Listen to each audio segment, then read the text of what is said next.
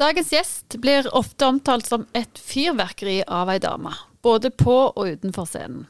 Etter flere år i lederstolen som styrer i barnehage, hoppa hun i det og starta firmaet Raus Ledelse, som driver med foredrag og lederutvikling. Gjennom de siste åra i denne rollen har mange ledd høyt, latt seg inspirere, lært mye nytt og blitt rørt av hennes sterke, engasjerende og ærlige tilstedeværelse. Hun våger å bjude på med et rikt språk både muntlig og skriftlig. Hun vågte å gi litt faen, og vågte å stå i egne valg. Det er stas å ønske deg, Tanja Aukerud, hjertelig velkommen til podding på Varhaug. Tusen takk. Det var mye kjekke ord.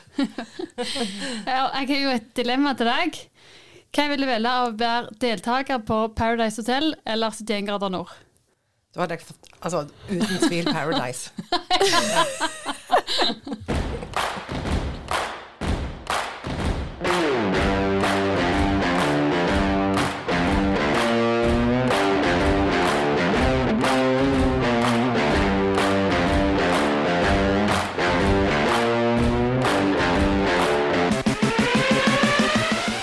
OK, Tanja. Da har vi et stort spørsmål. Hvem er Tanja? Åh.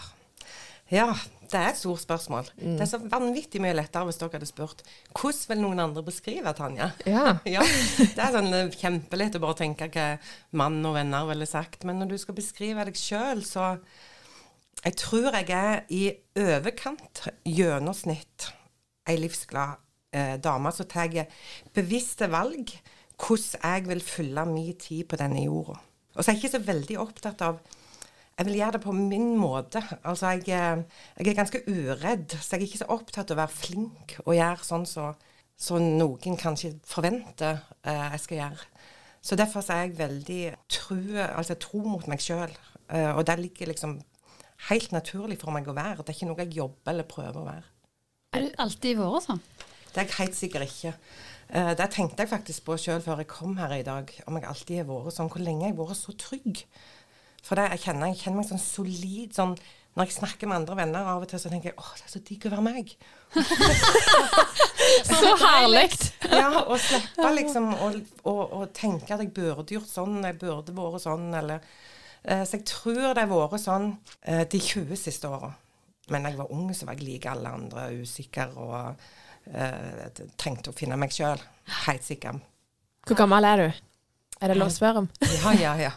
Jeg ble 50 på selveste 17. mai. Ja, stemmer det. Det er mange som gratulerer meg dagen, da. Ja, og så er det sånn at jeg, når jeg treffer folk og de gratulerer meg med dagen, så er jeg litt usikker, for det er alle sier gratulerer med dagen hele 17. mai. Ja. Jeg må alltid gå og tolke kroppsspråket til folk. Er det meg de snakker til, eller, eller er det Norge? Så, men det er jeg blitt vant med. Mm. ja, så herlig. Så 20 år, 30-åra, da begynte du å lande. Ja, så dere er vel på uh, gode vei, iallfall Helene. Ja, Jeg begynner å si det innenfor handlinga nå. jeg har faktisk virket 30, jeg òg. Ja, du er har snart det 32. bra. Ja, faktisk. Holder deg Du, du kunne vært begge deler, du. Ja, ja, takk. Jeg kjenner Helene, så jeg visste hun var over 30. Stemmer det. Nei, nå tok det komplimentet. Ja. Men uh, hvordan, er, hvordan er livet ditt akkurat nå? Ja, det er jo så løye å tenke på. For dette, jeg, jeg ville svart det samme for ti år siden òg. Men jeg tror ikke jeg hadde svart det for 20 år siden. Men altså, jeg har aldri hatt det bedre. Aldri. Og jeg får lyst til å banke i bordet. Og, og det er så tåpelig. Det tenkte jeg òg på før jeg kom her. At banke i bordet. Jeg tror jo ikke på det. Selvfølgelig tror jeg ikke på det. Jeg vet jo at det hjelper ikke hvis alle banker i bordet, så skjer det ingenting vondt i livet. Hva jeg greier jo egentlig med banker i bordet? ikke peiling, men jeg gjør det alltid. For jeg er så takknemlig for alt som er så bra i livet, og så er jeg så livredd det skal snø. Så ja, så å bli 50, det høres Jeg liker ikke tallet. Det innrømmer jeg. Folk sier det er bare tall. Sånn tenker ikke jeg. Nei. Hva, hva tenker du er annerledes? Jeg tenker at det, det er ikke det, altså Livet er veldig veldig godt nå, men det som er annerledes, det er at du har levd lenger enn du skal. Eh, Når jeg er så ekstremt livsglad, så vet jeg at jeg har levd mer enn ja, enn jeg har igjen, da. Eh, og det går jeg jo selvfølgelig ikke og tenker Nei, det var litt Men når folk sier at det er bare tall, så er det jo er det ikke det. Men det er et godt tall å være i nå. Altså Nå har vi jo så mye Jeg har jo hørt på noen av podkastene før, og eh, når dere skal levere unger sånn. og da tenker jeg at Og det er godt vi ikke vet. eh, For nå når jeg ser tilbake på den tida, så tenker jeg at det var ei veldig strevsomme tid. Eh, samtidig så er jo den kjærligheten til ungene Jeg ser liksom de henger på veggen der, at jeg aldri mer får lov å rundkysse dem. For det får jeg ikke lov til faktisk lenger. Eh, så var det jo ei fin tid på mange måter, men, men det er den tida, syns jeg, som er Det er mye som skjer ifra 30 til 40 når vi har små unger i hus. Hvor gamle er ungene dine i dag? Nå er Tobias han bor i Oslo og er 22 år, spiller hockey og studerer der. Så han er jo helt selvstendig. Og så har jeg eh, minst, hun er Tuva. Hun er 18 og bor hjemme skal være russ i år. Åh, Ja. stas. Ja, det er jeg eh, unner henne. Jeg håper de skal få det kjempekjekt. Jeg er, ikke sånn, jeg er bekymra, men jeg vil aller mest at hun skal ha det veldig, veldig gøy. Men eh, Tanja, eh, du er på ditt beste i livet. Eller du er Hva var det du sa først? At du er, har aldri hatt det så godt som du er akkurat nå. Hvordan tar du vare på egen helse? ja. ja, det Altså, hva som er gjør at det Eller hva, er det mange elementer som gjør at du er på tenker akkurat det du sier? At eh, du er på ditt beste. Nei, nei, du sier det på ditt beste. Jeg vet ikke om det var et godt ord. Det sier det du sa. At det det, eh, akkurat nå har jeg aldri hatt det så godt. Aldri hatt så godt. Det var det jeg ville ha. Og hvorfor da, ja. liksom? Ja, Ja. hvorfor da? Eh, jo, altså Men nå, nå ble det to spørsmål. Ja, ja. for hvorfor jeg eh, har det så godt akkurat nå, det er jo for at det er veldig mye gøy som skjer. Ja. Og så er det den friheten som kom tilbake sant, med voksne barn. Og så tenker jeg jo at eh, jeg tror For bare noen få år siden å tenke å være bestemor det var, altså Da mener jeg tre år siden. Det er ko-ko. Altså Det er helt ko-ko i mitt hode. Så det, skjer det noe sånn naturlig når ungene blir eh, så store at du ser at de er voksne. Eh, at jeg forstår at det kan jeg kanskje bli. Eh, jeg tror ikke jeg blir det, og da får jeg lyst til å banke i bordet en gang til. Ennå. Og, og da har du jo noe sånn For jeg kommer til å bli ko-ko bestemor. Jeg kommer til å elske de i hæl. Men jeg har lyst på sånn tiårspause nå. nå. og det er til å være litt ego, da. Sånn Så nå at vi har meg og mannen eh, har den friheten at vi kan gjøre akkurat hva vi vil. Eh, så nå når jeg har fått tilbud om, eh, om ny jobb, som da er i Oslo, så kan vi bare si ja til det. Altså med to ukers tanke på det, så, så fikser vi det, liksom. Det kunne vi ikke gjort for fem år siden. Ja, fortell om det. For dette, jeg sier jo innledningsvis at du Jeg husker jo godt når du kom i høghuset med de lyse krøllene dine og hadde starta sjøl. Ja. Ja. Hvor mange år er det siden, du? Åtte. Åtte, ja. Og nå har det tatt ny retning. Ja, det har det. Men ikke helt. For at jeg, når, jeg, eh, når jeg leste om denne stillingen som jeg er i nå, så gikk jeg rett inn på dette intervjuet. Jeg var, på fem intervju før jeg fikk den jobben, så det var krevende. Men uh, første intervjuet så sa jeg jeg har et bitte lite firma som heter Raus ledelse. Og det jeg liker aller best der, det er å holde foredrag. Og hvis ikke jeg får lov til det, så stopper vi nå. Så dette Raus ledelse lever. Ja. Ja. Ja. Så jeg, foredrag må jeg holde. Men så er det akkurat som du må bryne hjernen litt. Jeg kjente at når du bare står på scenen du, Og så er det veldig ofte sånn i foredragsbransjen, enten vi vil eller ikke, at hvis, du, hvis du leverer et veldig bra foredrag For jeg har, ikke tre-fire foredrag å levere, men det er ett som folk vil ha om igjen og om igjen, som sprer seg ut i landet. Og det har jeg kalt 400 ganger nå. Å, salla. Og, det, og jeg liker For det, det, jeg brenner så for dette med ulike typer mennesker, og hvordan vi alle må ta ansvar for å bidra til det arbeidsmiljøet vi sjøl har lyst til å være en del av. Så jeg brenner så mye at det er like gøy hver gang. Men akkurat hvis du skal utvikle deg, samfunnet går så raskt, så må du bryne deg på andre måter. Og Derfor så begynte jeg i konsulentbransjen i fjor, eh, og jobbet som eh, seniormanager i noe som heter Karabin. Og Der lærte jeg òg kjempemye, men der måtte du jobbe med salg. Og det var ikke noe for meg. Så leste jeg denne stillingen på LinkedIn bare helt tilfeldig. Eh, noe som er direktør Oslo. Det høres veldig flott ut. Det er litt flott òg, altså. Men, men jeg er ikke direktør for hele Oslo. Men, eller jo, jeg er jo det, men det er en konsernleder òg over meg der. Eh, og når jeg leste om hva de trengte i den stillingen, så tenkte jeg bare jeg er nødt til å søke. Og så fikk jeg den. Oh. Ja. Så nå bor vi halvparten av tida i Oslo. Jeg sier vi. Det er mest meg, men mannen har fleksitid, sånn at vi, vi tar Vi sitter hver søndag. Uh, hvor skal vi være denne uka? Og jeg er mest i Oslo, så er han mest hjemme, men han, uh, denne uka har han vært med meg i Oslo. Det er Så det er det som er digg med å være 50. Tenk at vi kan gjøre det. Ja. Ha to boplasser, og ikke minst å kunne ta og satse enda mer egentlig i forhold til egen karriere. Mm. Eller er du kjent at du kunne gjøre det hele veien? Ja, det har jeg. Ja. Det, jeg er alltid Jeg syns jo ikke at det, vi skal ta i vår munn en gang at, det- at det har mannen latt meg gjøre. For sånn fungerer ikke jeg. Nei. Men jeg fungerer sånn at hvis ikke familien har det bra, så er ikke jeg det bra. Nei. Og det er sånn Der er jeg Det er bare den enkleste lykken. Altså Hvis ikke de har det bra, så har ikke jeg det bra. Men det er sånn at jeg, han vil jeg skal ha et spennende liv, og jeg vil at han skal ha et spennende liv. Så er vi veldig forskjellige, men så har vi noe som liksom har gjort at vi har hatt et ekteskap i 25 år, da. Men, jeg, men akkurat de ungene, det kjenner dere sikkert igjen sjøl. Ja, ja, uten tvil. Vi har jo nevnt det sjøl òg, at ja, med en gang det er et eller annet eh, som skjer på hjemmebane, så påvirker det alle sfærer av livet. Det er liksom, Du kan gå på jobb og ha det drit, og det er ikke drit på jobb, det er ingenting som forandrer seg, men det er bare Mm. Du tenker det er der hjertet ditt ligger, liksom. Men så er det noen som allikevel klarer å være litt mer sånn at dette må de lære. Jeg er ikke der i det hele. Altså Med en gang jeg kjenner bare de har bitte litt motgang, så, så verker hele meg. Altså Åh, husker i fjor på denne tida så spilte gutten min en veldig viktig hockeykamp, og vi skulle ut og spise etterpå. Og så er det 3-3, og så to sekunder før slutt så skårer de andre. Og da ser jeg bare gutten min på isen, hvordan han liksom bare setter seg på huk der og holder seg liksom til hjelmen der. Jeg var helt Jeg måtte avlyse den middagen. Jeg var helt, jeg klarte ikke å nyte livet, for at jeg visste at han ikke hadde det bra. Ja. Oh. Og det er jo en filleting. Jeg lærer jo litt av det nå, men sånn er morsfølelsene mine, da. Ja. Ja. Ja.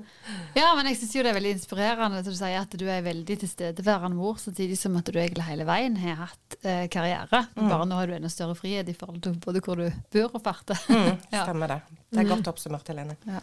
Ja, enormt spennende. Men eh, da, det var jo på en måte første, da. Men eh, hva gjør du for å ta vare på helsa, da? Skal vi gå videre på det?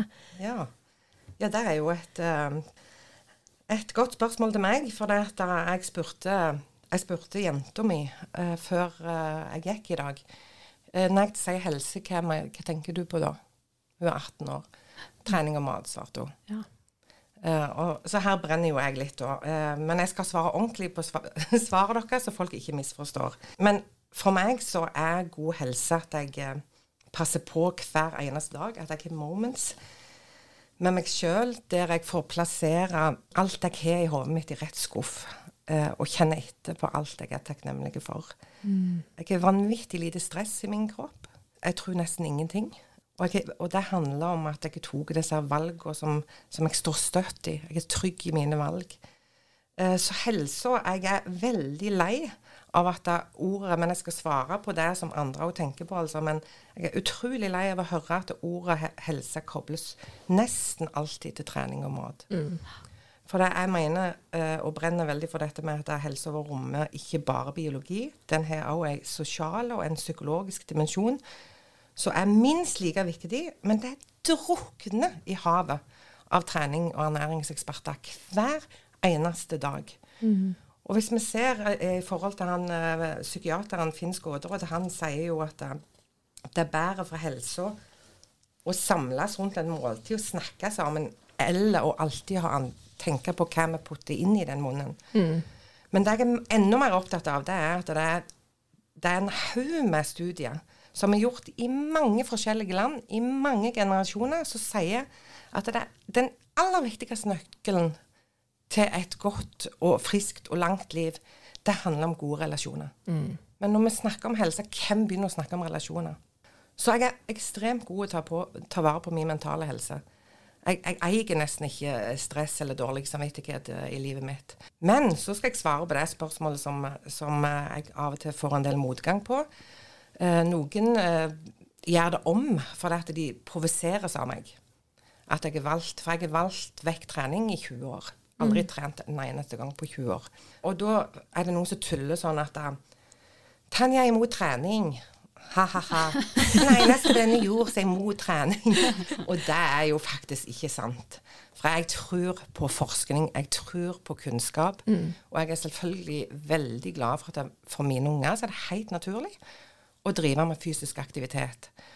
Så de er oppvokst med, med en far som er han, Altså mannen min er, tror jeg det jeg tenker, den sunneste på denne jord i forhold til at han klarer å holde balansen. Han, for han er det helt naturlig å trene, og han trener alt mulig rart. Han liker alt. Eh, samtidig som han koser seg masse med god mat og tenker aldri på hva jeg lager til han. Og, mens jeg valgte da dette vekk. Og hvorfor jeg gjorde det, var det, det gjorde meg dypt ulykkelig.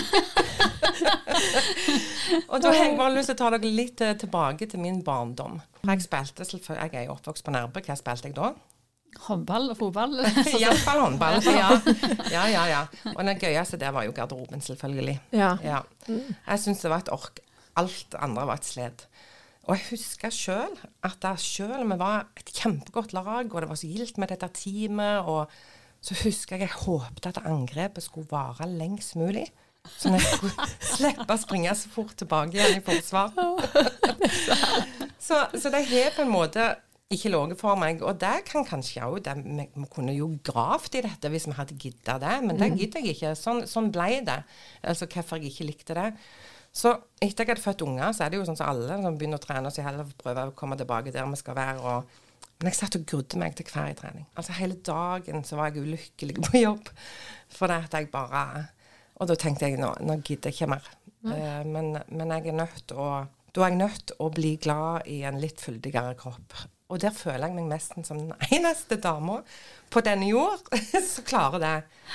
Jeg, Samme hvem jeg snakker med, så så det er der jeg òg syns at det er for lite fo... Jeg, jeg, jeg, jeg mener det er Vi skal være opptatt av ernæring og hva barna våre lærer seg å spise, og at de er aktivitet. Selvfølgelig gjør jeg det.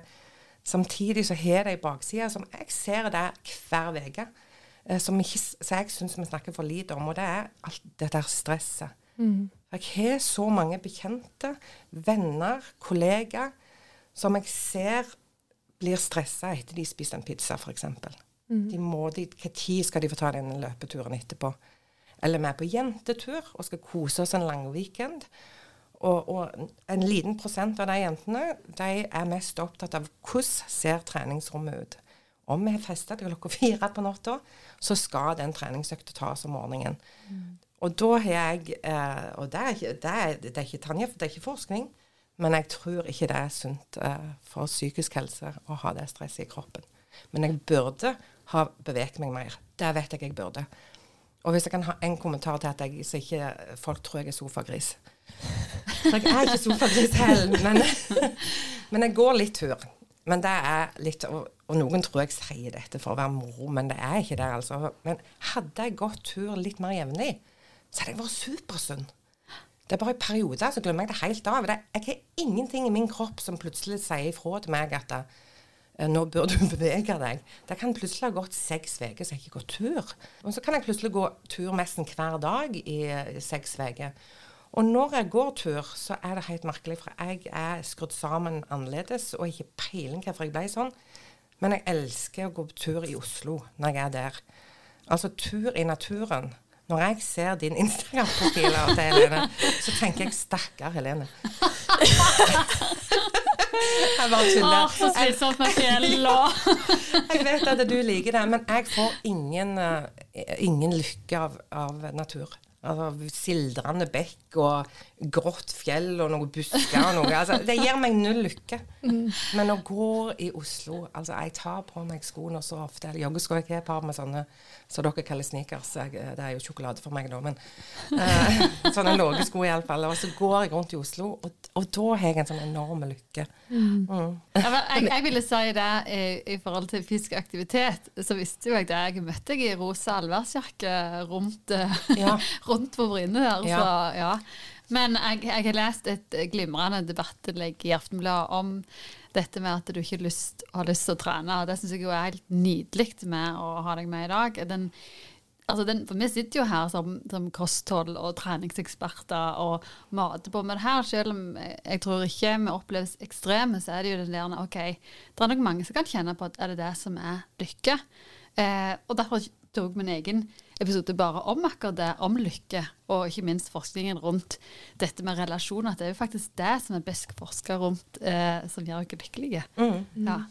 Og det er jo litt sånn interessant det du sier om dette med eh, Vi snakker veldig mye om den fysiske helsa. For det er, hvis du går inn i Verdens helseorganisasjon sin definisjon av helse, så står det fysisk, psykisk og sosialt. Og det er litt sånn en måte Vi fokuserer ekstremt mye på den fysiske, og så blir det sånn at det blir et jag, sånn at det faktisk påvirker den psykiske helsa eh, negativt, i tillegg til den sosiale, for du blir på en måte den, er liksom, du, det der jaget etter den fysiske tar over for det sosiale. Så det er ganske sånn interessant det du sier, at det, sosial og psykisk hos deg står drithøyt, og det er faktisk to tredjedeler av helsa. Hvis du tenker sånn Bare. Oi, den skal jeg ta med meg. Ja. Det var veldig. Men det er sant. Ja. Og, og jeg kjenner at jeg, jeg tror på det. Og så, og så vet jeg jo så jeg lager ikke unnskyldninger for meg sjøl, så det er ikke så viktig med fysisk helse. Jeg vet at jeg stryker der, sant? men jeg, jeg vil ikke gå rundt og ha dårlig samvittighet. Nei, men vi kan liksom ikke være 100% på alt heller nødvendigvis. Sant? Så det er sånn, ok, nå har du valgt å fokusere på to av de. Og så er det litt sånn, eh, jeg kan kjenne meg litt igjen i det som du sier, men liksom det er sånn her venninnene dine som går og ser er det treningsrom, for det gjør jeg. Men det er jo fordi at jeg vet Du er den.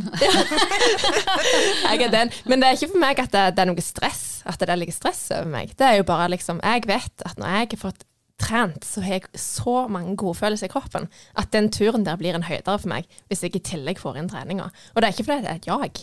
Det er bare fordi det betyr så mye for meg. Heldigvis så tror jeg det er mest av deg. Ja. For Jeg det er håper jo den, det. Det er jo Mm. den sorten det er av uh, Mannen min er jo, av den sorten, Mm. og da er det jo sunt. Eh, men jeg ser, uh, jeg ser hver uke det motsatte òg. Ja. Hvis du ikke kan sitte og ta ete det måltidet fordi du får dårlig samvittighet, da tenker jeg at da Er det bikka Da er vi bikka. Og det er jo en ting som vi prøver å få fram veldig mye. Dette med at liksom, du skal ikke ha dårlig samvittighet. Det må være rom for begge deler. Det må være rom for alt. Og så må vi finne på en måte en livsstil som vi kan leve med, ut ifra de personene vi er. Sant. Så veldig, veldig kult å høre betraktningene dine rundt dette. Synes jeg, det. ja. jeg, jeg har selv tenkt at åh, gud, jeg hadde vært ulykkelig hvis jeg ikke kunne spise meg stappmett Ja. på lørdagskvelden. Eller, eller ellers òg, for den saks skyld. Men at det, det liksom ikke var lov, eller at jeg måtte straffe meg etterpå. Ja. Men fantastiske motvekt. eh, Og vi snakker jo litt om det som gjør Altså, ja vel, eh, så opplever vi trening som påfyll. Jeg tror mange kan oppleve en, sånn, at de blir frelst av det. Men fortell litt om hva som gir deg påfyll og gir deg energi. Ja, og der er jeg òg veldig, veldig bevisst. Og det er jo ei side som det er kun de som kjenner meg veldig godt, som vet, eh, for jeg er ekstrem på, på det. Jeg er veldig bevisst, og jeg, jeg er opptatt av at folk må bli bevisste. Og hvor følger vi på i dette samfunnet som går så fort? Og særlig for meg som har vært i et eh, kvinnedominert yrke der det var vi alltid strevd med sykefravær. Mye eh, sykefravær, og hvordan får vi det ned? Da må vi videre. Altså, vi har åtte timer søvn. Vi har cirka ikke dere som er små unger, da, men åtte timer på jobb og åtte timer fritid. Hvor henter du deg inn? Hvor lader du? Det var en som leder, så jeg, jeg, jeg sa det om igjen og om igjen til dem. Dere må vite hvor dere lader. For det er jobben står så høyt i livet. Det er vi som betaler deg lønn. Og, så jeg har vært kjempebevisst der. Og, men det er ikke bevisste samtidig som jeg bare er så tro mot meg sjøl at det, det må jeg bare ha. Men den sida ser ikke alle som, eh, som bare blir litt kjent med meg. For alle tenker jo at jeg er ekstremt ekstrovert, vet du. Og så er jeg ekstremt introvert. Men jeg er en Det høres jo veldig sånn uh, rart ut å være ekstrovert, introvert, for det er vel det jeg er. For jeg er ekstremt utadvendt med mennesker. Men, og noen venner blir faktisk bitte litt uh, fornærma på meg når jeg sier dette, for jeg, jeg får ikke energi av mennesker. Aldri. Jeg henter kjærlighet og inspirasjon og, og masse gode ting. Jeg må jo ha mennesker rundt meg, selvfølgelig. Jeg er jo kjempegod på relasjoner òg, men jeg tappes av en eller annen grunn. Så jeg må være masse alene. Og om dette har med biologi, eller om det har med at jeg har vært enebarn Jeg er oppvokst som enebarn. Lekte jeg hadde et eget legerom da jeg var liten. Mor sa jeg kunne holde på der i timevis. Altså, jeg spiste ikke engang fordi jeg lekte. Uh, så om det, det er derfor, det vet jeg ikke. Men jeg må ha mye alenetid. Minimum to timer til dagen. Og da er det ikke sånn at mannen kan sitte liksom på andre sida uh, av veggen. Jeg må være aleine. Og det passer jeg på å ha veldig ofte. Så når jeg er hjemme på Bryne, så, så er alenetida på at jeg eh, tenner masse lys. Oh. Og jeg har så mye lys. Jeg telte før jeg gikk i dag 44 lys. Åh, halve min. I mørketida, da, Ja, ja, selvfølgelig. ja. Og så eh, skrur jeg på litt eh, lav musikk, eh, og så bare putler. Det er så godt ord. I Oslo så forstår de ikke det. Nei. Putle bare i heimen. Og hvis jeg da har lyden Jeg vil ikke se de andre i familien de to timene. Men jeg, lyden av at familien min har det bra. eh, Så, så sånn henter jeg på Bryne. Men i Oslo har jeg jo òg et kjempestort nettverk. Der er, det, der er jeg sånn at jeg må Jeg går på restaurant alene. Og det gjør jeg veldig ofte. Så hvis jeg blir invitert til å være med noen på en restaurant, så blir jeg sånn Å, søren. Åh, Da røyk den da alenetida. Men så må jeg beholde mine venner, så derfor så tenker jeg OK, går jeg i kalenderen, og så ser jeg. Men da kan jeg ta litt ekstra alenetid i morgen. Sånn at jeg gjør selvfølgelig begge deler. Men å gå på restaurant i Oslo og bare sitte og kikke på alt det der mangfoldet av ulike typer mennesker helt alene. Plassere ting i hodet som, jeg- som jeg har opplevd. Og, og så passer jeg alltid på å tenke etterpå alt som jeg er takknemlig for. Og det er jeg bare sånn helt naturlig. Så sånn henter jeg meg inn. Åh, wow. Ja, det Dette var- er gode Ja. verktøy, for det er jo det det handler om. Om det er trening, eller om det er å sier, eh, sitte og spise på seg selv, eller være, ha alenetida si. At det, det er din type trening.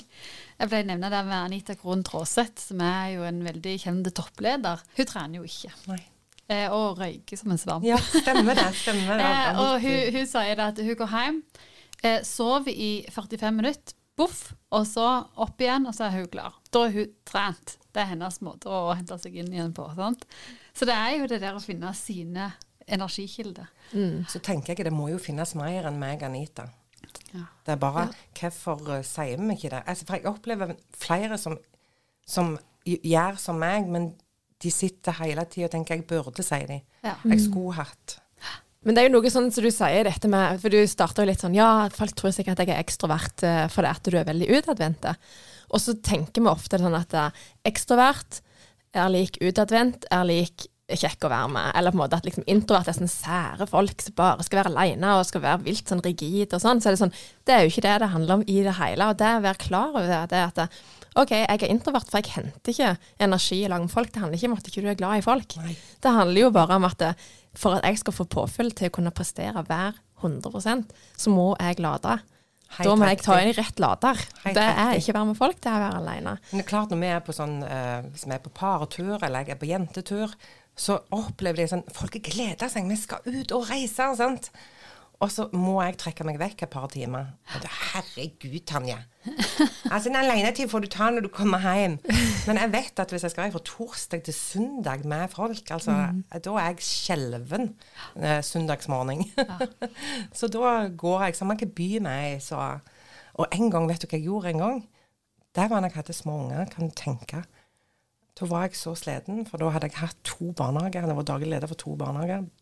Det var masse styr. Og så kjente jeg jeg, jeg må ha masse alenetid. Så reiste jeg altså. Jeg er ekstremt uredd. Og det er jo veldig rart, tenker jeg, når jeg er oppvokst på Nærbø. En sånn trygg familie som ikke tok meg rundt i verden i det hele. Men jeg reiste til New York ei hel uke. Helt var helt fantastisk. Åh. Altså, jeg, jeg fins ikke redde for sånne ting. Nei. Jeg tenker Hvis jeg dør av å bli skutt i New York, så er det en ganske kul død, tenkte jeg da. Nei, ganske rått, altså. Fy søren. Men det er bare å være klar. Jeg tror det er mange som kan eh, på en måte bli litt inspirert av å høre det du sier nå. Med at, eh, ja. Hvor du henter energi. Og det Ja, var jo er faktisk, det. eh, Der må jeg bare legge til at jeg tok jo selv den her testen hva kalles den testen? Eh, Meyer Sprix har du vært borti den. Jeg vet hva du mener. Jeg Ja. er selv sertifisert i disk, så det er jo noe lignende. Ja. Ja, nei, jeg slo 100 ut på introvert.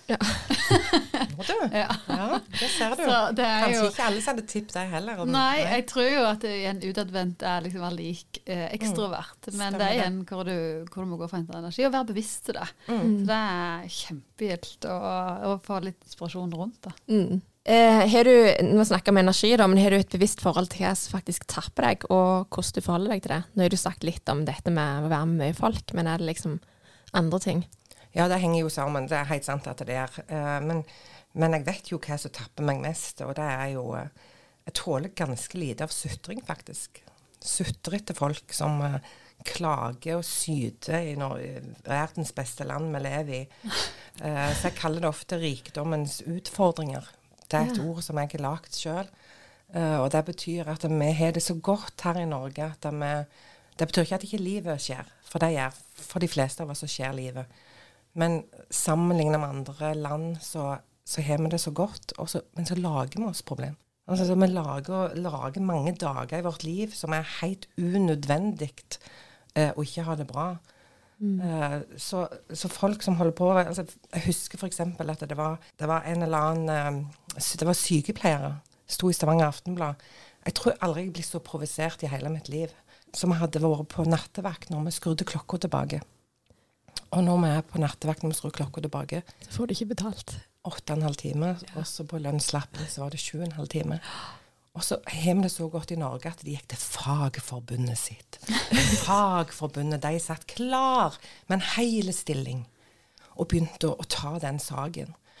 Og så står det i Stavanger Aftenblad, uh, og det ordet det satte seg sånn i brystet på meg, sånn urettferdig behandla.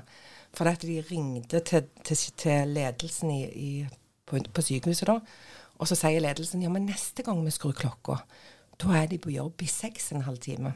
Mm. Og så får de lønn i sju og en halv time. Og så står det i denne her teksten da Det er ikke sikkert vi er på jobb da. Mm. Det er noen andre som er på jobb, da. Ja, mm. uh, og så hadde de tapt mer eller de hadde vunnet. Og så tok de denne kampen, da. Og så kalte de ordet urettferdig. Uh, og så i samme avis så er det bilde av denne gutten som jeg aldri kommer til å glemme. Den der toåringen som har drevet i land. Han ligger død i ei vannskorpe. Han har oh, leid etter fred på jord. Ja. Mm. Og så skal Åh, oh, nei. Så jeg er dårlig på det. Og så er jeg dårlig på sneversynte mennesker som kun har klokketro på sitt eget eget eh, syn, altså bastante meninger på ekstremt kompliserte spørsmål. Der de mener veldig fra egen verdensforståelse at det, det trigger noe i meg. Altså Det kunne være covid. Hvis vi bare hadde gjort det sånn, og det var covid, så hadde alt ordna seg. Og integrering av uh, flyktninger. altså sånn, de har enorme meninger uten å nødvendigvis ha så mye kunnskap. Det gjør noe vondt i meg uh, med det. Mm. mm. For det vil ikke være bra for verden med det sneversynte synet. Men mm. Unngår du disse folka, eller går du til kamp? Altså, Går du til diskusjon? Nei, jeg rydder de vekk fra livet mitt ganske så fort. Ja. Mm. Ja. Men jeg kan, eh, jeg kan, bruke et døgn liksom på at uh, en person jeg møtte, mente det. Jeg kan skikkelig sånn, bli sånn trigga. Og jeg tør å si fra der og da, men jeg er ikke sånn jeg begynner sånn Nei, jeg vil ikke bruke kruttet der. Nei. Så du er bevisst det, det er som taper deg? Mm, virkelig. Danja, du er jo uredd. Eh, men hva Når er det du går ut av komfortsonen? Hva er det som utfordrer deg? Ja, Det er nemlig det med å være uredd. For sånn I jobbsammenheng så kan de meg De kan egentlig gi meg hvilken utfordring jeg vil. Jeg bare hopper. Alltid. Uh, uten å tenke. Uh, og angrer aldri. Selv om det går på trynet og jeg ikke får det til, så gjør ikke det noe, tenker jeg. Er, så, så der, er, der er jeg. Men så er det jo sånn som vi snakket om tidligere, alt fysisk er jo en ut av komfortsonen for meg. Og der vil jeg jo aldri Jeg hadde jo aldri satt meg i en sånn situasjon at jeg gjør noe fysisk. Al altså aldri. Men så når ungene var små, så måtte jeg.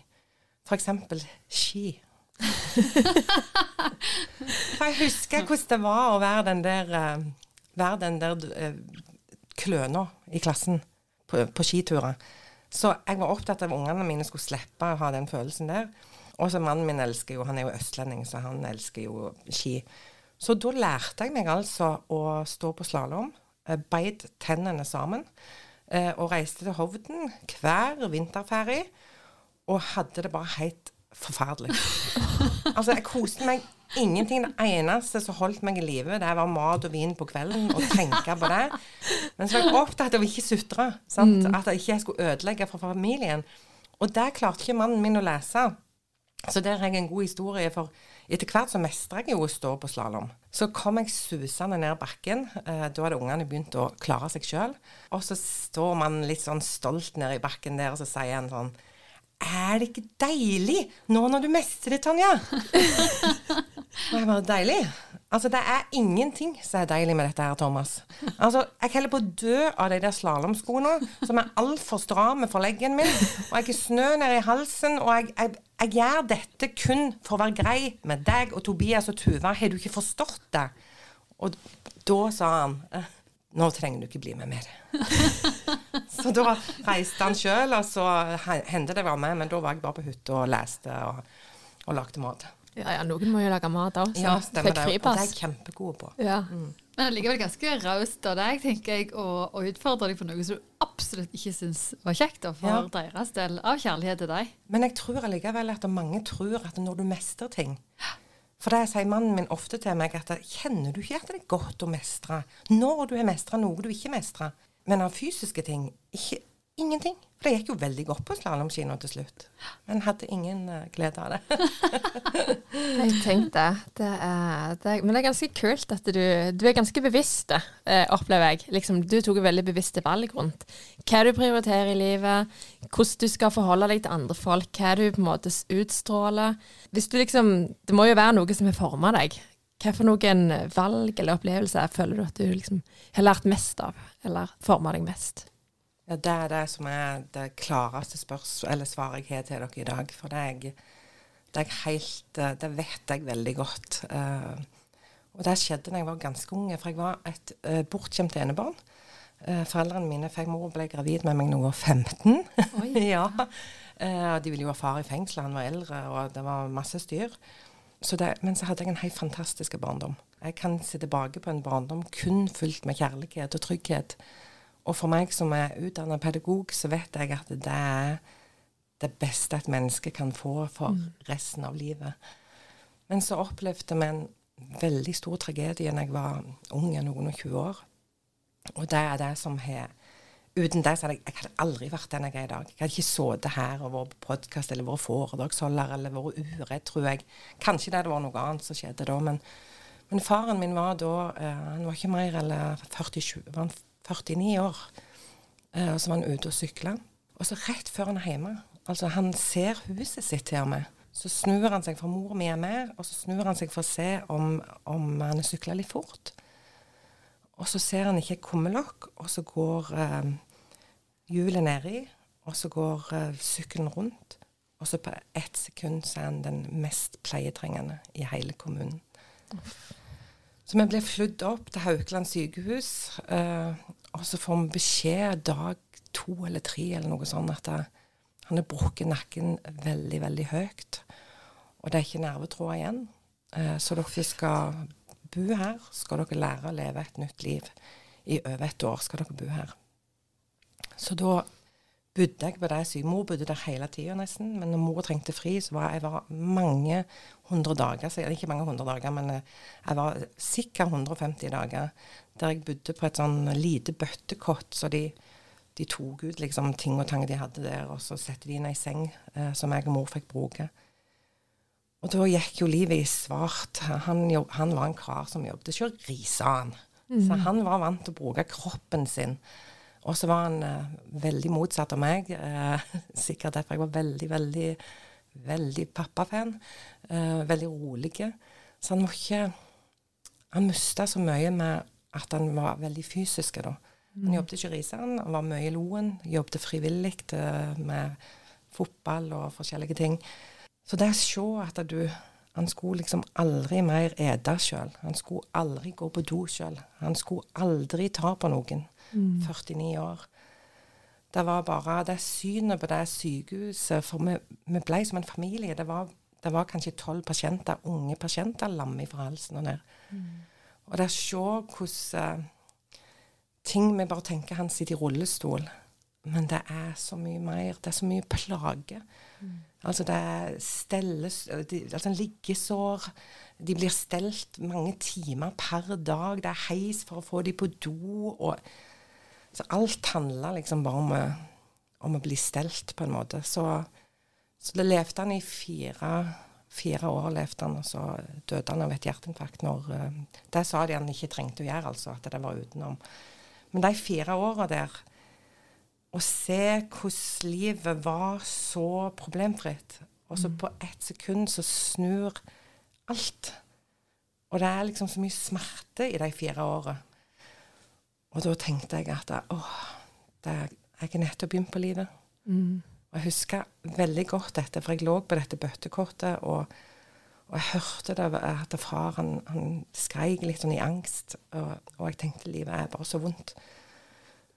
Men så husker jeg jeg tenkte jeg har akkurat begynt på livet mitt. Og nå skal jeg sørge helt naturlig. Men det kom en dag der jeg må gå videre. Og da tenkte jeg å, hva jeg skal leve, tenkte jeg. Å, så jeg skal leve. Å, hvor jeg har levd! ja. Åh, jeg blir helt rørt. Jeg sitter her med tårer i øynene nå. Det er liksom Ja, det er ganske Det er jo enormt livsdefinerende, det du forteller. Og jeg tenker at det må være helt Det må jo rocke med hele livet. Og så likevel sånn, så sitter du igjen med at bare Fy søren, livet er for, livet er for kort. Mm. Vi må liksom ta livet, vi må ta øyeblikket òg. ja.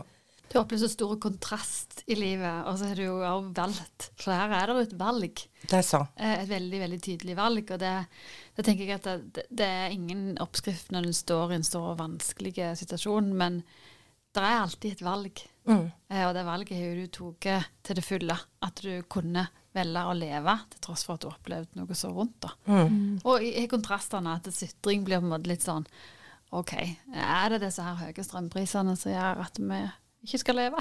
Eller Ja. ikke, ikke ha det gøy? sant? At det er, Eller som podkasten dere hadde, som eh, jeg syns var glimrende. Jeg så dere fikk noen kritikk av noen, og det tenkte jeg var helt tåpelig. At vi står opp 50 år og har funnet noen rynker. Ja. At vi er så rike faktisk i dette landet at vi kan gå og gjøre noe med det. Det er jo egentlig helt pling-plong. Ja. Ja. Men den skal vi ikke inn på nå. ja, eller jeg syns jo at den er litt eh, gøy. Det var den siste vi hadde før i sesong én. Eh, og det er jo gøy å være en del av samfunnsdebatten. Sant? Så engasjement rundt det eh, er, jo, er jo bra. Men eh, jeg tror jo mer det der å kunne drodle rundt og av og til være en stemme for Hvorfor gjør vi det?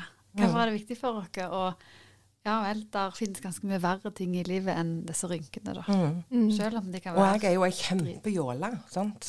Eh, altså, jeg er jo den største jåla i hele venn, alle vennegjengene mine.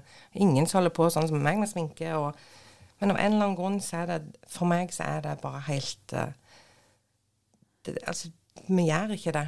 Vi skal være takknemlige med det vi har fått, og så gjør vi det beste ut av det. Hva opplever du som det viktigste når du tar valg for deg sjøl i dag? Det er det samme som jeg begynte med i dag, å være eh, tro med meg sjøl. Og det er altså min, mine verdier. Og det, og det gjør jeg. Eh, jeg kan prøve av og til f.eks. å tenke nå må jeg bli litt mer kyniske. Eh, konsulentbransjen følte ikke jeg passet inn, selv om det var masse flotte folk. og sånn, Så er det jo konkurranse i konsulentbransjen. Så det var, det var spisse albuer. Eh, så jeg, jeg klarer ikke late som over veldig lang tid. Så verdiene, de, de står eh, sterkt. Eh, og så må det alltid passe inn at da, familien min har det, det greit. Sånn i jobb eller i livet ellers, hva er det som driver deg? Hva er det som liksom, ja, motiverer deg? Det, det der spørsmålet burde være så enkelt. Det, hører, ut det er som du har hørt mange får. Og så i mitt hode så, så tenkte jeg når jeg leste det spørsmålet at da, hvorfor syns jeg det var vanskelig å svare på det? Og det eh, må jeg jo bare innrømme at jeg, når jeg er så livsglad som jeg er, så jeg bare står opp hver morgen, jeg er stort sett alltid glad, eh, og tenker liksom ikke igjennom liksom, hva skal jeg klare i dag? Jeg tenker liksom bare at jeg skal fylle dagen eh, best mulig. Men jeg tenker liksom, hva motiverer meg? Jeg er ikke det rett og slett? Men så kan jeg ha noen sånne episoder, f.eks. i konsulentbransjen. Så sa de på kontoret Jeg jobbet eh, i et firma på FOMO på Sandnes. Eh, og så sa de du er best på ledelse i vårt firma, Tanja. Og nå skal vi skrive et tilbud eh, til den og den kunden. Vi har egentlig lyst til å ha deg til eh, prosjektleder. Du er best på ledelse. Men vi tør ikke. For dette, hvis de googler deg, så ser de du er barnehagebakgrunn. Da taper vi det. Og det kjentes jeg eh, i magen. For det at det, til, eh, og, og det er derfor jeg har gått over i en ny jobb. Når jeg sa direktør i Oslo, så er det jo det for, et, for en stor barnehagekjede. Eh, for det at når jeg jobber, med, jeg jobber med ledere i all slags type bransje.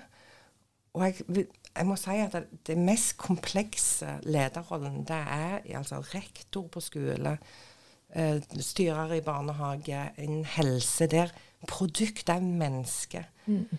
Og det er alle typer mennesker. Det er sårbare mennesker, det er, altså, det er sårbare foreldre. Det er, så det er enormt kompleks, og så har vi null status. Ja. Og så er det noe med at vi har enormt mye kunnskap i den bransjen som ikke kommer fram. Men jeg ble ikke sur på konsulentbransjen. Men da kjente jeg en slags motivasjon på at her, jeg som tør å stå på scenen, jeg som tør å snakke, jeg som kan faget, her må, her må jeg bruke meg. Eh, så da ble jeg motivert til å søke denne jobben, for jeg tenkte de trenger meg. For de må slutte å sitte på kontoret sitt i barnehagen med, med tøfler og, og kofte og tro de er gode ledere når de går ut og er med og, og deler ut lussekatter på Lucia. Det er koselig, det. Men lederne må komme seg ut. De må få på dressjakken. Trenger ikke ha høye hæler, men de kan hvis de vil. Eh, og så må de vise kunnskapen til andre yrkesgrupper. Eh, For at vi skal få høyere status. Men det er jo sutring. Ingen tror vi kan noe, og vi har så liten status. Da må vi gjøre det sjøl. Så det er kanskje et eksempel der jeg kjente sånn eh, motivasjon. Og så har jeg lyst til å si en ting til som bare datt inn i hodet nå. For når jeg begynte å holde foredrag Jeg tror eh, du, Helene, var på det foredraget, eller et av de. Så snakket jeg om istid i tegnefilmen. Jeg elsker det som et bilde med tre forskjellige mennesker, nei, tre forskjellige dyr som skal redde en baby. Og så må de samarbeide, uten at de, det bare ble sånn. Og så at de skulle samarbeide. Og sånn er det jo i alle yrker. sant? Så når vi kommer i jobben, så får vi tildelt et knippe mennesker. Her, dette er dine kollegaer. De skal du samarbeide med mot et felles mål. Du får ikke valgt de sjøl. Og uansett hvor du jobber hen, så vil du digge noen med en gang. Noen vil du eh, tenke at fy søren for en kunnskap, uten at du liksom liker de så personlig. Og så er det noen som irriterer vettet av oss.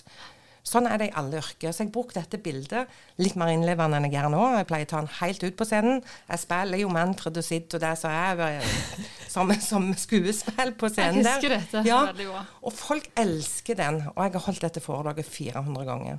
Og det er jo, eh, så Jeg kan av og til trigges av motgang, at det blir til motivasjon. For da sa en person jeg så opp til Jeg hadde akkurat begynt med et eget firma. Og så kom hun bort til meg, denne personen som jeg så opp til, så sa hun Tanja, hvis du har tenkt å lykkes i raus ledelse, så kan du ikke holde på å snakke om istid hver gang. Du må jo utvikle deg, du må jo snakke om noe annet òg. Og nå tenker jeg, hver gang jeg treffer henne, jeg treffer henne på butikken av og til, så får jeg lyst til å si. Jeg har jo tjent millioner på istid. Ja. Sant? Ja. så, så da kan jeg få sånn, og da, det liker jeg, for jeg er veldig glad i mennesker. Uh, så jeg kan bli litt for uh, at passe på at alle skal ha det så bra. Jeg, jeg, det skal mye til at jævelen kommer fram i meg. Men jeg tror jammen av og til at det, det kjennes veldig godt når en gjør det en sjelden gang. Men du drives jo av motstand, da. Ja, kanskje gjør, gjør det på, på akkurat det. For det var to, to eksempel iallfall som datt ned i hodet nå når dere spurte. Ja, for du tar jo ekstremt, du har tatt ekstremt konkrete valg i forhold til når du har møtt motstand. sant? Mistefaren din i en kjempeung alder, og i tillegg, eh, liksom når du møter sånne småting, så er det sånn Søren heller, dette skal ikke trykke meg ned. Jeg skal leve det livet jeg har tenkt å leve. Det er jo, altså, Jeg har jo ikke snakket så mye med deg, men jeg tror de fleste hører podkasten og ser liksom at wow. Det Men så er er, det en naturlig kraft, da. ja. Det er ikke sånn at jeg går hjem og tenker 'nå skal jeg prøve å Eller det, det, det er akkurat som den kraften bare skjer inni meg, da. Mm. Og Men det takk og lov for motstand, da. For det, det er jo det er en trigger. Eh, absolutt. Det er den jo i historiene dine. At Mm. mm. jævelen kommer fram. Ja, og før jeg hadde, hadde denne podkasten spilt inn for 20 år siden, altså, hadde jeg tenkt du kan ikke sende det. Men jeg tror at noen ganger så må den fram. Det er menneskelig. Ah, ja. Hvis du hadde tatt en uh, prat med 30 år gamle Tanja, hvilket råd ville du da gitt? Nå er jo jeg sånn snart 32, så det passer meg veldig fint. Ja, altså den er jeg òg kjempeklar på. For det, da ville jeg sagt at du trenger ikke stole på og elske alle mennesker du møter med første blikk. De sier meg sjøl jeg har vært veldig åpen hele livet. Og det har jeg vunnet ekstremt mye på. Altså mine Jeg, jeg bare en pitte altså Jeg har to-tre veldig nære venner som jeg bare Jeg tenker de er de beste. Det går ikke an å få noen bedre uh, venner på denne jord. Så jeg har jo fått mye av å være så åpen. Men allikevel så tar jeg den for langt. Og det har jeg gjort. Så jeg er blitt såra mange ganger. Jeg blir veldig begeistra for mennesker. Sånn en jobbsituasjon, liksom, hvis jeg treffer noen tenker, wow. altså, jeg, Det er akkurat som jeg blir sånn unge som bare akkurat så skru, Jeg skrur seg litt løs i hodet, tenker jeg av og til. For jeg sånn Jeg er helt totalt ukritisk. Så jeg, jeg deler meg sjøl og forteller ting. og og det, og det stopper ikke. Jeg holder på sånn, selv om jeg vet om det. Så jeg bommer mindre nå enn jeg gjorde før. Men jeg bommer innimellom, altså. For jeg tror at alle vil meg vel. Eh, men, men det vil de ikke alltid. De er kanskje fascinert av meg i begynnelsen, men det er noen som ikke alltid vil meg vel på sikt.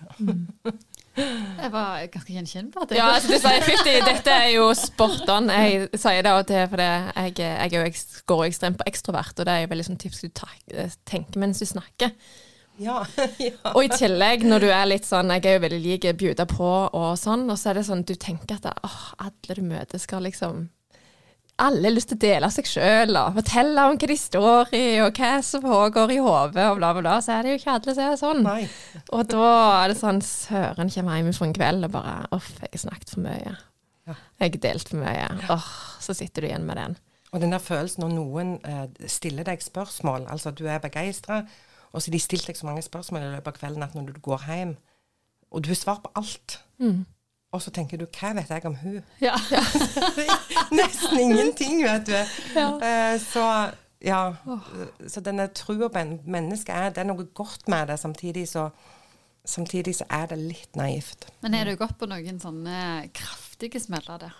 Ja, det Ja. har jeg. Så kraftig at jeg eh, Når jeg ser de nå, så tenker jeg inni meg litt sånn Rett litt fingeren i meg. Ja. Skal være foruten. Mm, virkelig. Ja. Det er et råd å, å ta med seg både for de som er 32 og videre i livet. Eller 37. Eller Absolutt. Og 50. Ja. For jeg er det jo ennå. Ja. Og heldigvis kan eh, prøve og feile videre i Ja. livet Men Men uh, har du noen eh, drømmer på blokka di, Tanja? Altså, jeg Når jeg lever sånn som jeg lever, så så lever jeg jo ut drømmene mine hver dag, jeg. Ja.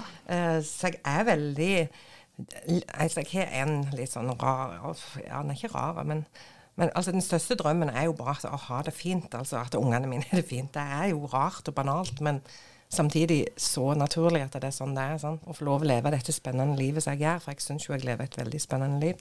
Men så har jeg en sånn egodrøm, ja. Eh, For noen år siden var det jo det å holde foredrag, sånn, å kunne leve av det. Så klarte jeg jo det.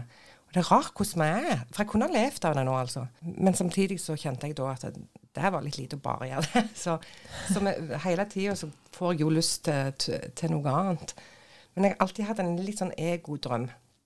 Og der, og der kunne jo egentlig passe litt inn i livet nå når jeg er fri, men så er det for ego i forhold til mannen min. For jeg har jo faktisk lyst til å fortsette å være gift, Eh, så jeg må egentlig ha han med litt da. For jeg, men jeg tror jeg skal klare å finne en, en sånn middels vei til her. For jeg har veldig lyst å reise, men jeg vil ha ekstremt mye alenetid til her mannen kommer inn. Ja. Så jeg har jo ikke lyst til at han skal, skal sitte der alene hvis jeg tar med på tur, så vi må finne en sånn mellomgreie. Men reise helt alene i noen uker, forskjellige plasser, og skrive bok. Jeg sa det til Helene før du kom i dag. Hun der må skrive ei bok. Ja, gjør det. Mange som sier det. Og da ble jeg enda mer motivert, men samtidig så Det er tidskrevende, og så er jeg ikke klart å helt Jeg har ikke klart å lande liksom hva type bok ennå. Det, det er ennå, ennå så er det sånn litt vagt for meg. Men jeg vet det ligger noe inni meg, så jeg har skrevet masse. Jeg elsker å skrive. Det er jo derfor jeg skriver litt blogger. Så når jeg er i Oslo, f.eks., så kan jeg sitte på Det er jo så mange områder. Det er jo det som er forskjellen. Det er derfor jeg ikke forstår Fjellet er jo så likt, syns jeg.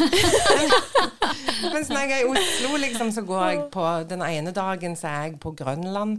Der jeg bo- bor faktisk på Grønland. eh, og der er det jo bare Det føles som du er i, i hele verden samtidig. Ja. Uh, det liksom Når jeg kikker ut av vinduet på naboene mine, så er det ei som lager indisk mat, og så er det to fra Pakistan, og så er det Altså, det er bare alle land. Og da Altså, jeg, jeg blir så Det er noe inni meg eh, som elsker det der mangfoldet. Og det er lite snobberi på Grønland.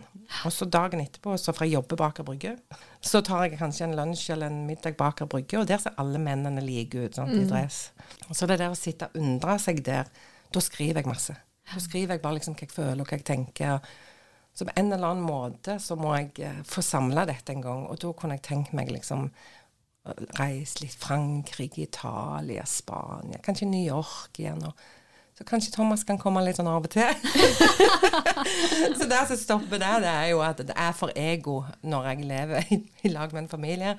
Og så, penger, da. Må spare en stund før jeg kan gjøre det. Men plutselig en dag så gjør jeg det, altså. Mm. Veldig fine drøm, da. Ja. og Magisk. Så du sier at det er egentlig det der med at du har det i hodet og vet hva du lar deg inspirere av. Ja, vet du hva. Det var, men eh, det er jo ikke så ego heller. Det er jo litt sånn, Du er jo introvert. Det kan være du kommer til å ha vilt mye å gi når du kommer hjem igjen. Så Det kan man sikkert håpe, iallfall. Ja. stemmer det. Har du en livsfilosofi? Ja da, den henger i hop i alt jeg har sagt til nå. Og den sier jeg alltid på foredrag hver eneste gang. For jeg lever hver dag etter Vi er bare på besøk på denne jorden. Hva vil du bruke tiden din til? Ja. Vi har jo, eh, siden vi har holdt på med det her gjestepodden så lenge, så har vi lagt noen faste spørsmål. Eh, så vi kjører bare på der, eh, Tanja. Har du okay. noen faste morgenritualer eller vaner som du gjør hver dag, hver morgen? Jeg håper dere får noen på denne podkasten som gjør noe veldig sånn rart som kunne vært litt sånn morsomt. For jeg er, jeg er ikke noe veldig morsomt, men jeg er, jeg er slow på morgenen. Uh, og det var jeg da ungene var små, men jeg har alltid vært leder, så jeg kunne komme på jobb når jeg ville. Så jeg liker det veldig stille om morgenen. og kaffe og God morgen Norge og ja. Og så hvis jeg er på hotell, eh, som jeg da har vært mye før jeg eh, fikk hybel i Oslo, så hadde jeg faste hotell. Og da var det alltid med sånn breie vinduskarmer. Så da, da var det jo et jag med denne søvnen, for jeg elsker å sove òg, ser du. Det er jo sunt, ja. Ja, ja, visst er det det. Det sunneste Jeg vi gjør. sover åtte timer hver natt, jeg. Det er så deilig. Men jeg må alltid stå opp to timer før jeg skal være, sånn at jeg kan bare dille. Så da sitter jeg ofte i vinduskarmen jeg er på, når jeg er på hotell. Hallevind. Så idyllisk. Ja. Ja. Fantastisk. Hvis du skulle bo på ei øde øy i et halvt år, hvilken eiendel ville du tatt med deg? Jeg har ikke peiling, for jeg hadde aldri bodd på ei eh, Hvis ikke det var luksus på den øya, så altså, gi meg ei, flott hytte på den øya, så er det samme hva jeg har med meg. Men, men jeg hadde aldri gjort det. Altså, da sier jeg takk for meg. Ja. Men ei skrivebok, du kunne skrevet boka di. Ja, det kunne jeg. Det var faktisk lurt. Takk Ja. for tipset. Er det noen guilty pleasures? Jeg vet jo, Når du er meg, vet du, så blir det jo ikke guilty. Nei. Sånn at jeg, eh, jeg tar jo dette helt bevisst, jeg òg. Altså, jeg, jeg har litt lørdag hver dag, jeg, altså. Og det er kjempeviktig for meg. Jeg tenker Folk som tenker at de skal ha lørdag én gang i uka resten av livet. Altså For meg er det jo bare ko-ko. Altså Stakkar, tenker jeg. Så jeg har litt lørdag eh, hver eneste dag. Og det, det kan være både å gå på restaurant, eh, og så er jeg jo vel, ekstremt glad i ost og, og rødvin, så det går det litt mye av, da. Mm. Så det, det er det ikke alle som har For meg er det helt naturlig, da. Så bra. Og så kan vi runde av med et litt stort spørsmål. Hva ønsker du å bli huska for? Det, det er et vanskelig spørsmål, men altså jeg håper at jeg blir huska for at jeg har vært fargerik med mange lag, eh, og at jeg har inspirert andre mennesker til å ta disse bevisste valgene med å fylle livene sine på den måten som er godt for dem. Og, og særlig for ungene mine òg. At, at, de, at de vil huske meg for den. Og så litt sånn uformelle. Jeg er jo ikke veldig glad i det. Der passer jeg ikke alltid inn i den akademiske verden. Jeg, elsker å være litt sånn uformell og tøysete og litt humor. så når jeg, har sagt ifra til alle som kjenner meg, og da, nå banker jeg faktisk under bordet eh, igjen eh, For det, jeg har jo ikke lyst til å dø, eh, og håper jeg skal bli gammel. Jeg har gode gener. Mormor mi hun var Hun røykte òg, som uh, Tråseth. Eh, og- men Tråseth hun er veldig slank. Men mormor mi hun var det, det er lov å si hun var, hun var trill rund, altså. ja. uh, og røykte. Så hun ble 97 da, så, um, så det er håp. For det at jeg har sagt ifra til venner og til mannen min liker ikke når jeg tuller med døden. Men jeg mener det. Altså, jeg skal ha fest i begravelsen. Og det skal være så masse farga stiletter, altså det, det er pumps på kista. Det må vi ha. Eh, og det, det skal være glitter og glam og, og fest etterpå. Så det er lov å grine litt, det håper jeg jo. Men ikke grine seg i hæl. Ja. Det, Å, for en rå avslutning. avslutning. Så Her. nå har vi dette på tape, sant? Yes. Ja. Du, Vi håper det er lenge til dere skal ta fram den tapen. Ja, det håper vi. Ja. Men uh, vilt inspirerende. Fyttegrisen. Vi visste jo ikke om det ville bli fargerikt og fyrverkeri, men det Og mye gull her, Tanja. Ja. Takk, Tusen eh, hjertelig takk eh, for at du var med oss i dag. Første podkasten min. Ja, tenk Ja, det. tenk det. Tenk at Aldri blitt invitert. deg før. På Varhaug på Jabbnå. og der passer jeg jammen inn.